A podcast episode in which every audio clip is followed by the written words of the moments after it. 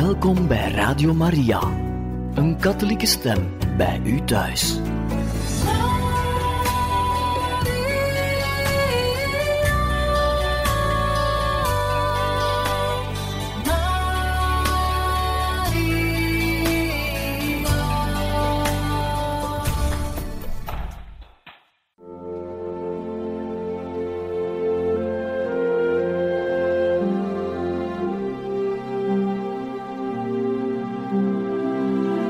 Beste luisteraars van Radio Maria, welkom bij het programma Catechismus. Een overweging bij de geloofschat van de kerk.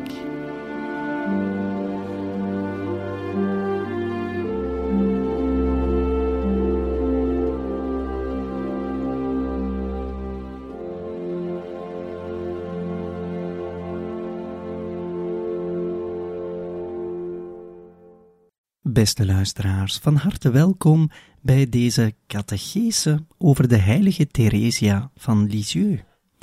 We zijn reeds aan het vierde deel gekomen van deze catechese reeks en we hebben reeds een schets gegeven van het gezin de Martins, het gezin waarin Theresia van Lisieux is grootgebracht, met de ouders Louis en Zélie, die zelf ook heilig verklaard zijn. En we hebben reeds gezien hoe mooi het gezin is en hoezeer ze met elkaar verbonden zijn. Hoe God ook een plaats krijgt te midden van het gezin. Het gezin heeft negen kinderen, waarvan er vijf het hebben overleefd na de kinderjaren. Zo hebben we Louise, de oudste, geboren in 1860, dan Pauline, geboren in 1861, Leonie, die vrij zwak was en misschien wel het moeilijkste kind was van het gezin, geboren in 1863. Daarna zijn er drie kinderen die vroegtijdig zullen sterven, en dan, we zullen zeggen, het vierde kind, levende kind, geboren in 1869, en dat is Céline. Dan is er weer een kind die heel vroeg sterft, en dan in 1873 komt Therese. We hebben dus vijf kinderen die in dat gezin zullen grootgebracht worden. Louise, Pauline, Leonie, Céline en Therese. Alle vijf zullen ze een mooie roeping hebben. En die zullen we in de komende catecheselessen zeker samen kunnen ontdekken. Maar toch moeten we nu reeds vermelden hoezeer de vijf zussen aan elkaar gehecht zijn, hoezeer ze elkaar lief hebben en elkaar ondersteunen, ook in het geloof. Pauline, de tweede, was voor een bepaalde tijd in een klooster en eigenlijk in een soort van internaat gelinkt aan een school. En de moeder, Zélie, zal heel vaak met haar kinderen en zeer speciaal met Pauline communiceren via brieven. En we lezen een deel van een brief van de moeder, Célie, gericht aan Pauline, waarbij ze het heeft over de andere kinderen. De moeder schrijft: Toen ik gisteren om tien uur naar bed ging, ging ik naar Louise's kamer. Ik dacht dat ze in bed lag, want ze was al twee uur vroeger naar boven gegaan. Ik vond haar lezend in boeken uit de bibliotheek. Ik was een beetje kwaad en luid, waardoor Céline wakker werd. Toen Louise, na de storm, naar bed ging, zei de kleine tegen haar: Alsjeblieft, mijn kleine Louise, vergeet niet je hart aan God te geven. Dat is goed voor zo'n jong kind. Ik dank God met heel mijn hart, gaat de moeder verder. Céline maakt nooit de minste opzettelijke fout. En wat Therese betreft, zij zou voor geen geld ter wereld liegen. Zij heeft een geest zoals ik bij geen van jullie ooit heb gezien. We zien met deze brief van de moeder van Theresia hoe goed de zussen zijn met elkaar en hoe hecht ze eigenlijk met elkaar verbonden zijn. Er heerst ook in het gezin een groot respect voor het unieke dat ieder in zich heeft. En zo ook dus in de familie Martha.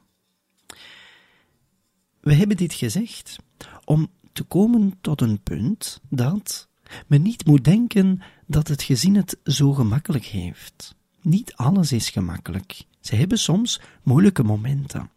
En een van die moeilijke momenten is in 1877 op 24 februari zal de zus van Zélie, dus de tante van Therese, sterven. Zij was kloosterzuster.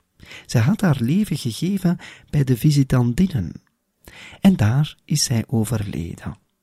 Het doet heel het gezin heel pijn, want ze waren zeer gehecht aan haar als tante, maar voor Célie natuurlijk ook als zus.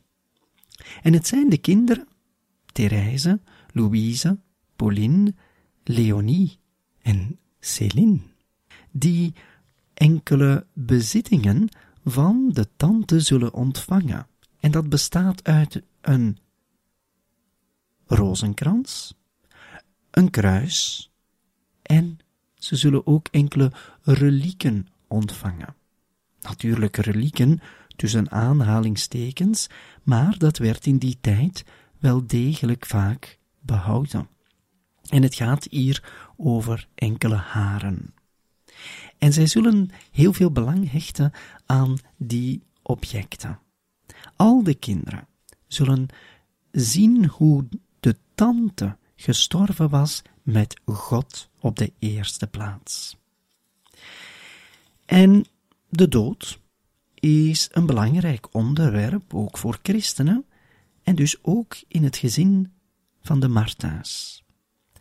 Zij zullen heel vaak met de dood geconfronteerd worden. We hebben dat reeds gezegd door het vroegtijdig overlijden van verschillende kinderen. Nu is er weer een overlijden van de tante, maar binnenkort zullen we ook zien dat Zélie zeer veel te lijden zal hebben. De moeder zal stervende zijn. En dat zal van groot belang zijn in de groeifase van de verschillende kinderen. Zo zal de jongste, Therese, nog meer moeten kunnen rekenen op de hulp van de zussen. Want dat was nu al het geval. Therese is op dit moment vier jaar. Zélie zorgt heel goed voor haar kinderen, maar ze moet natuurlijk ook tijd besteden aan haar handarbeid. En dus is het de oudste zus, Louise, die zeer vaak zorgt voor de opleiding van de jongste. Zo zal Therese eigenlijk als eerste lerares of juffrouw haar zus hebben, Louise.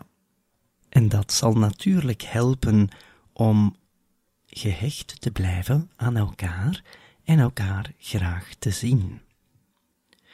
Om nog even terug te komen op het overlijden van hun tante bij de visitantinnen, wel een van de zussen, Pauline, zal een droom hebben. En die droom wordt overal verteld. Tijdens die droom zag ze haar gestorven tante glimlachend naar zich toestappen. En ze heeft dat opgeschreven en gestuurd in een brief naar haar moeder, en zo is dat verhaal verder verteld. En dat gaf hen heel grote hoop. En eigenlijk ook een zeer sterk geloof. Voor ons zou dat ook mogen een punt zijn om vaker te denken aan de verrijzenis, aan het eeuwige leven, omdat daarin net het centrum, de kern van ons geloof schuilt. En ze zullen bij de familie Martin die hoop echt nodig hebben. Want het is in die tijd dat Célie, de moeder, zal ontdekken dat ze eigenlijk zwaar ziek is. Ze heeft al heel lang pijn in een van haar borsten. En men overweegt een operatie, maar eigenlijk zal die operatie geweigerd worden omdat men denkt dat Célie daaraan vroeger zal kunnen sterven. En de zorgen op dat moment zijn dus groot. Voor de moeder, voor de vader en natuurlijk ook voor de kinderen. Zélie is stervende. Nochtans is de hoop op genezing zeer groot. Zo schrijft ze aan haar schoonzus in 1877 op 12 april. Het lijkt me dat het onmogelijk is voor mij om te vertrekken. Ik denk dat ik hier moet blijven en dat ik ook zal blijven. Ik ben zoals al die personen die ik heb gekend en die hun eigen toestand eigenlijk niet goed inzien. Het zijn enkel de anderen die wel duidelijk zien hoe erg het met iemand gesteld kan zijn. Maar over zichzelf, en dat is eigenlijk wel verbazend, denken we daar altijd anders over en we beloven onszelf nog een hele lange tijd. En wel, zo ben ik. Dit spreekt van een zeker realisme dat Celie zal hebben en tegelijkertijd ook van de hoop. Want er wordt veel gebeden. Er werd gevraagd aan de verschillende kloosters in de omstreken om te bidden voor de genezing van Zelig. Er zal gebeden worden, er is hoop. Maar het zal toch anders verlopen. Gods wil is ondoorgrondelijk. En daarover zullen we het zo dadelijk verder hebben.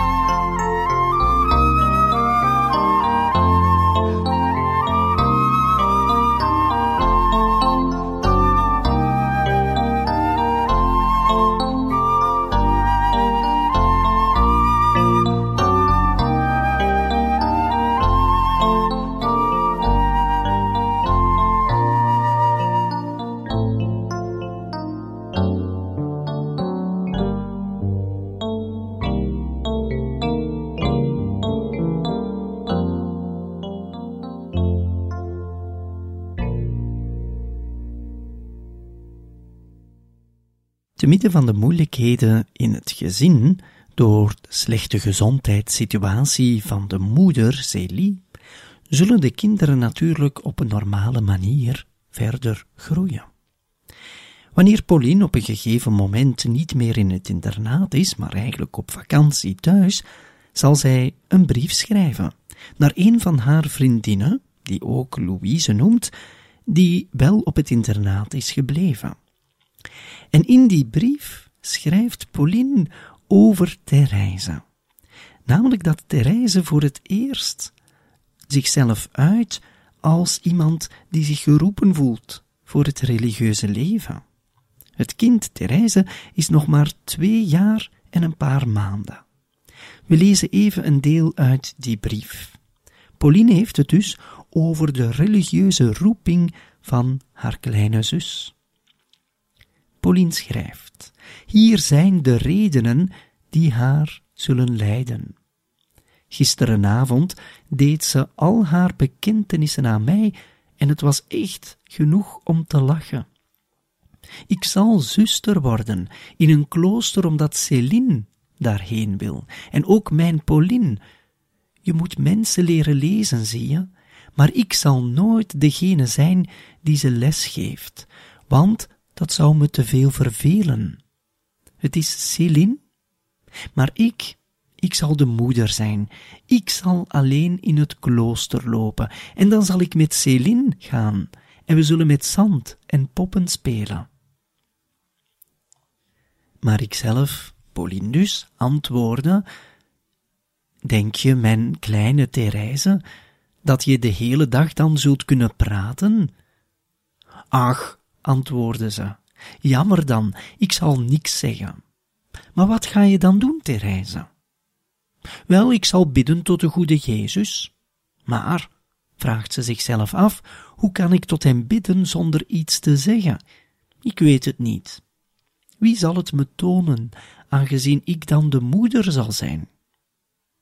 Ik had een vreselijke drang, zegt Pauline, om te lachen, maar ik bleef serieus en ze bleef me bedachtzaam aankijken.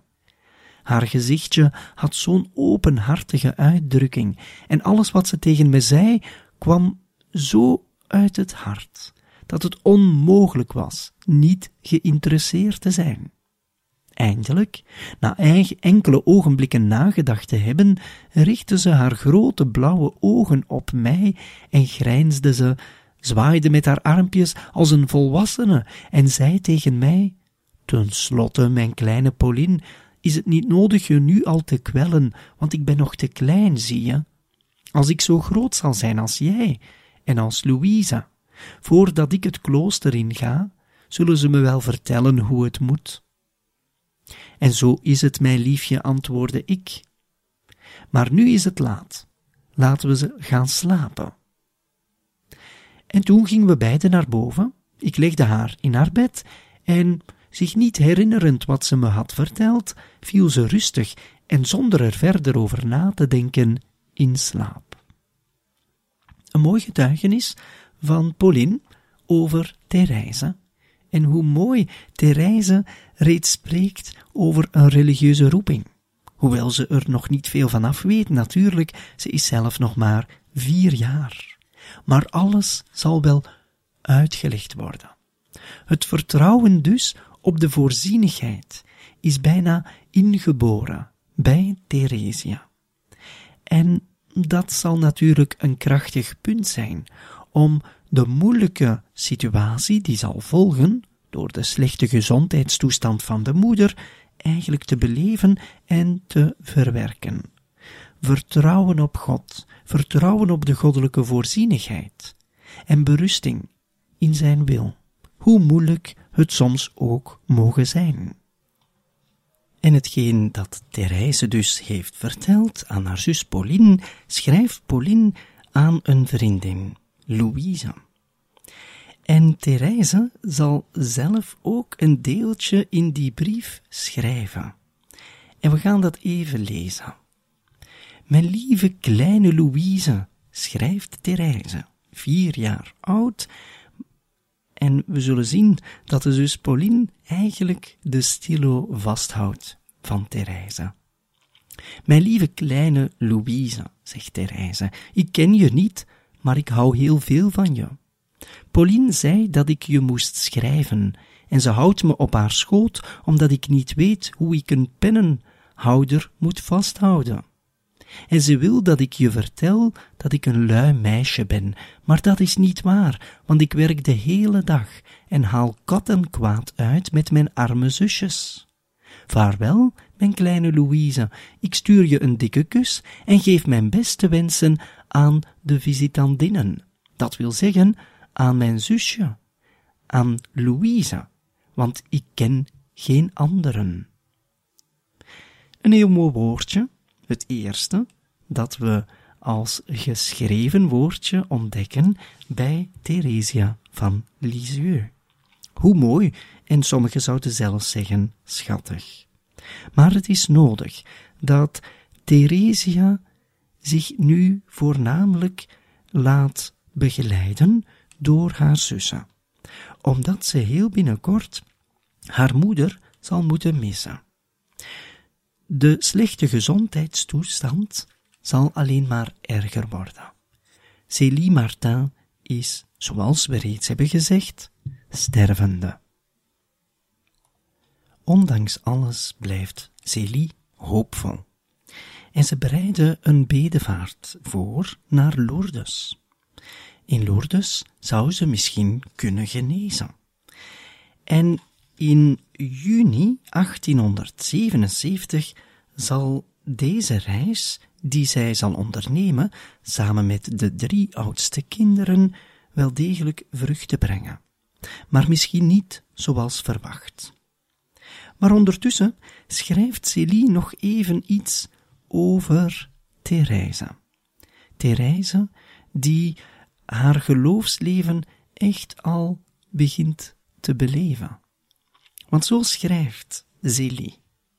Onze lieve kleine Céline en Therese zijn altijd engeltjes. Ze zijn een zegen.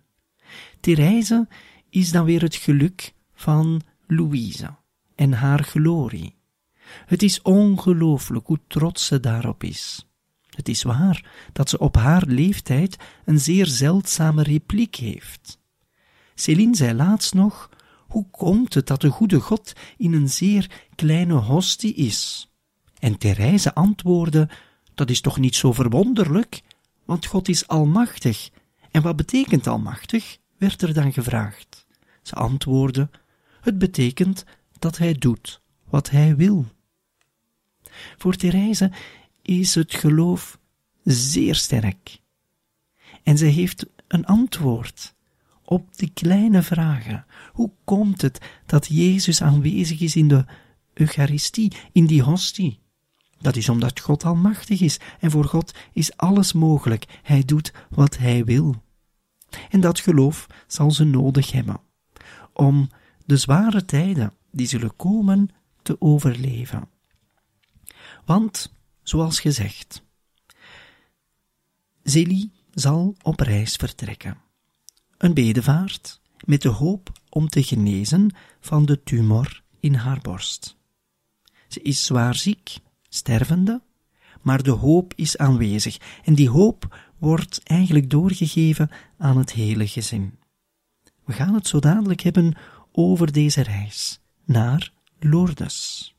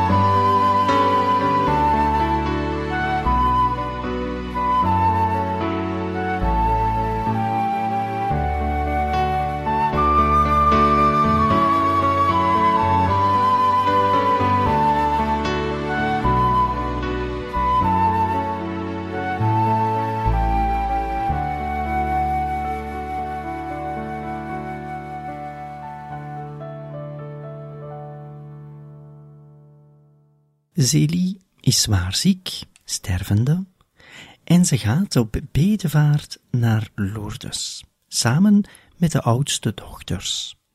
En het is op 17 juni 1877 dat ze zal vertrekken.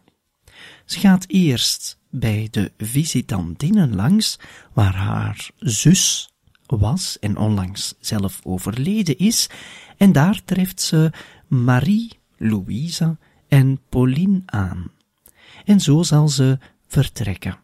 De hele gemeenschap van de visitandinnen belooft nog om voor haar te bidden en een algemene communie te doen, terwijl de kapelaan, die daar de mis deed, een dankmis voor haar genezing nu reeds aan het plannen is.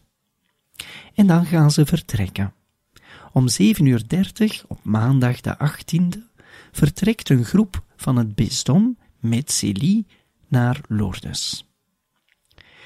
Het verslag van Célie op de terugweg beschrijft een hele reeks tegenslagen van deze dagen op bedevaart, die vol waren van verschillende beproevingen en vooral ook leed voor Célie zelf. In feite, schreef ze, moest ze in de trein ten eerste op haar dochters passen, die elk reeds hun eigen ellende hadden. En aangekomen in Lourdes om vijf uur s morgens, deed een vergissing in de accommodatie hen verder lopen. Bij de mis in de grot wierp Célie zich uitgeput in het koude water van het bad, van het water in Lourdes. En daar heeft ze een pater ontmoet, die zich over het hele groepje ontfermde. En die wilde zelfs een mis voor Célie opdragen, maar dat lukte niet want de plaats waar de mis ging doorgaan was reeds bezet. En zo zijn er verschillende tegenslagen die Zélie zal moeten verwerken tijdens deze bedevaart. En ze zegt daarbij, niets dan onnoemelijke tegenslagen en ellende overkwamen me. Het water en de reservoirs in Lourdes lekten. Het water lekte uit die reservoirs. Ze verloor ook nog de rozenkrans van haar zus. En Pauline, een van de dochters, verloor ook de haren, samen met enkele medailles van haar tante. En zo waren er alleen maar problemen. Op vrijdag 22 juni zullen ze terugkeren. Maar ze is niet genezen. En ze gaat terug langs bij de visitandinnen. En daar zullen ze terug aanvaarden, dat ze nog meer moeten bidden. Want Zélie vertelde dat ze in Lourdes vier keer in het water was gedoken, maar tegelijkertijd dat ze zieke mensen had gezien die er veel slechter aan toe waren dan zij. Zélie heeft nog steeds pijn, maar ze besluit. Ik heb er geen spijt van dat ik naar Lourdes ben gegaan, al heeft de vermoeidheid me zieker gemaakt. Ik verwijt mezelf tenminste niets. Ik zal niet loslaten met te bidden tot ik genezen of tot ik dood ben. Bij haar terugkeer ondergaat ze ook nog de glimlach van ongeloof van verschillende mensen die nooit in de wonderen van Lourdes hebben geloofd. Tegelijkertijd vindt ze ook haar man, die tevergeefs heeft gewacht op het bericht van haar genezing, maar haar man blijft sterk. Hij is verbaasd voornamelijk over de moraal van Zélie en haar hoop op genezing. En aan Pauline schrijft Célie in deze laatste weken nog van haar leven dat Maria ook aan Bernadette enkel heeft gezegd: Ik zal je gelukkig maken, niet in deze wereld, maar in de volgende. En dat moet moed en vertrouwen geven.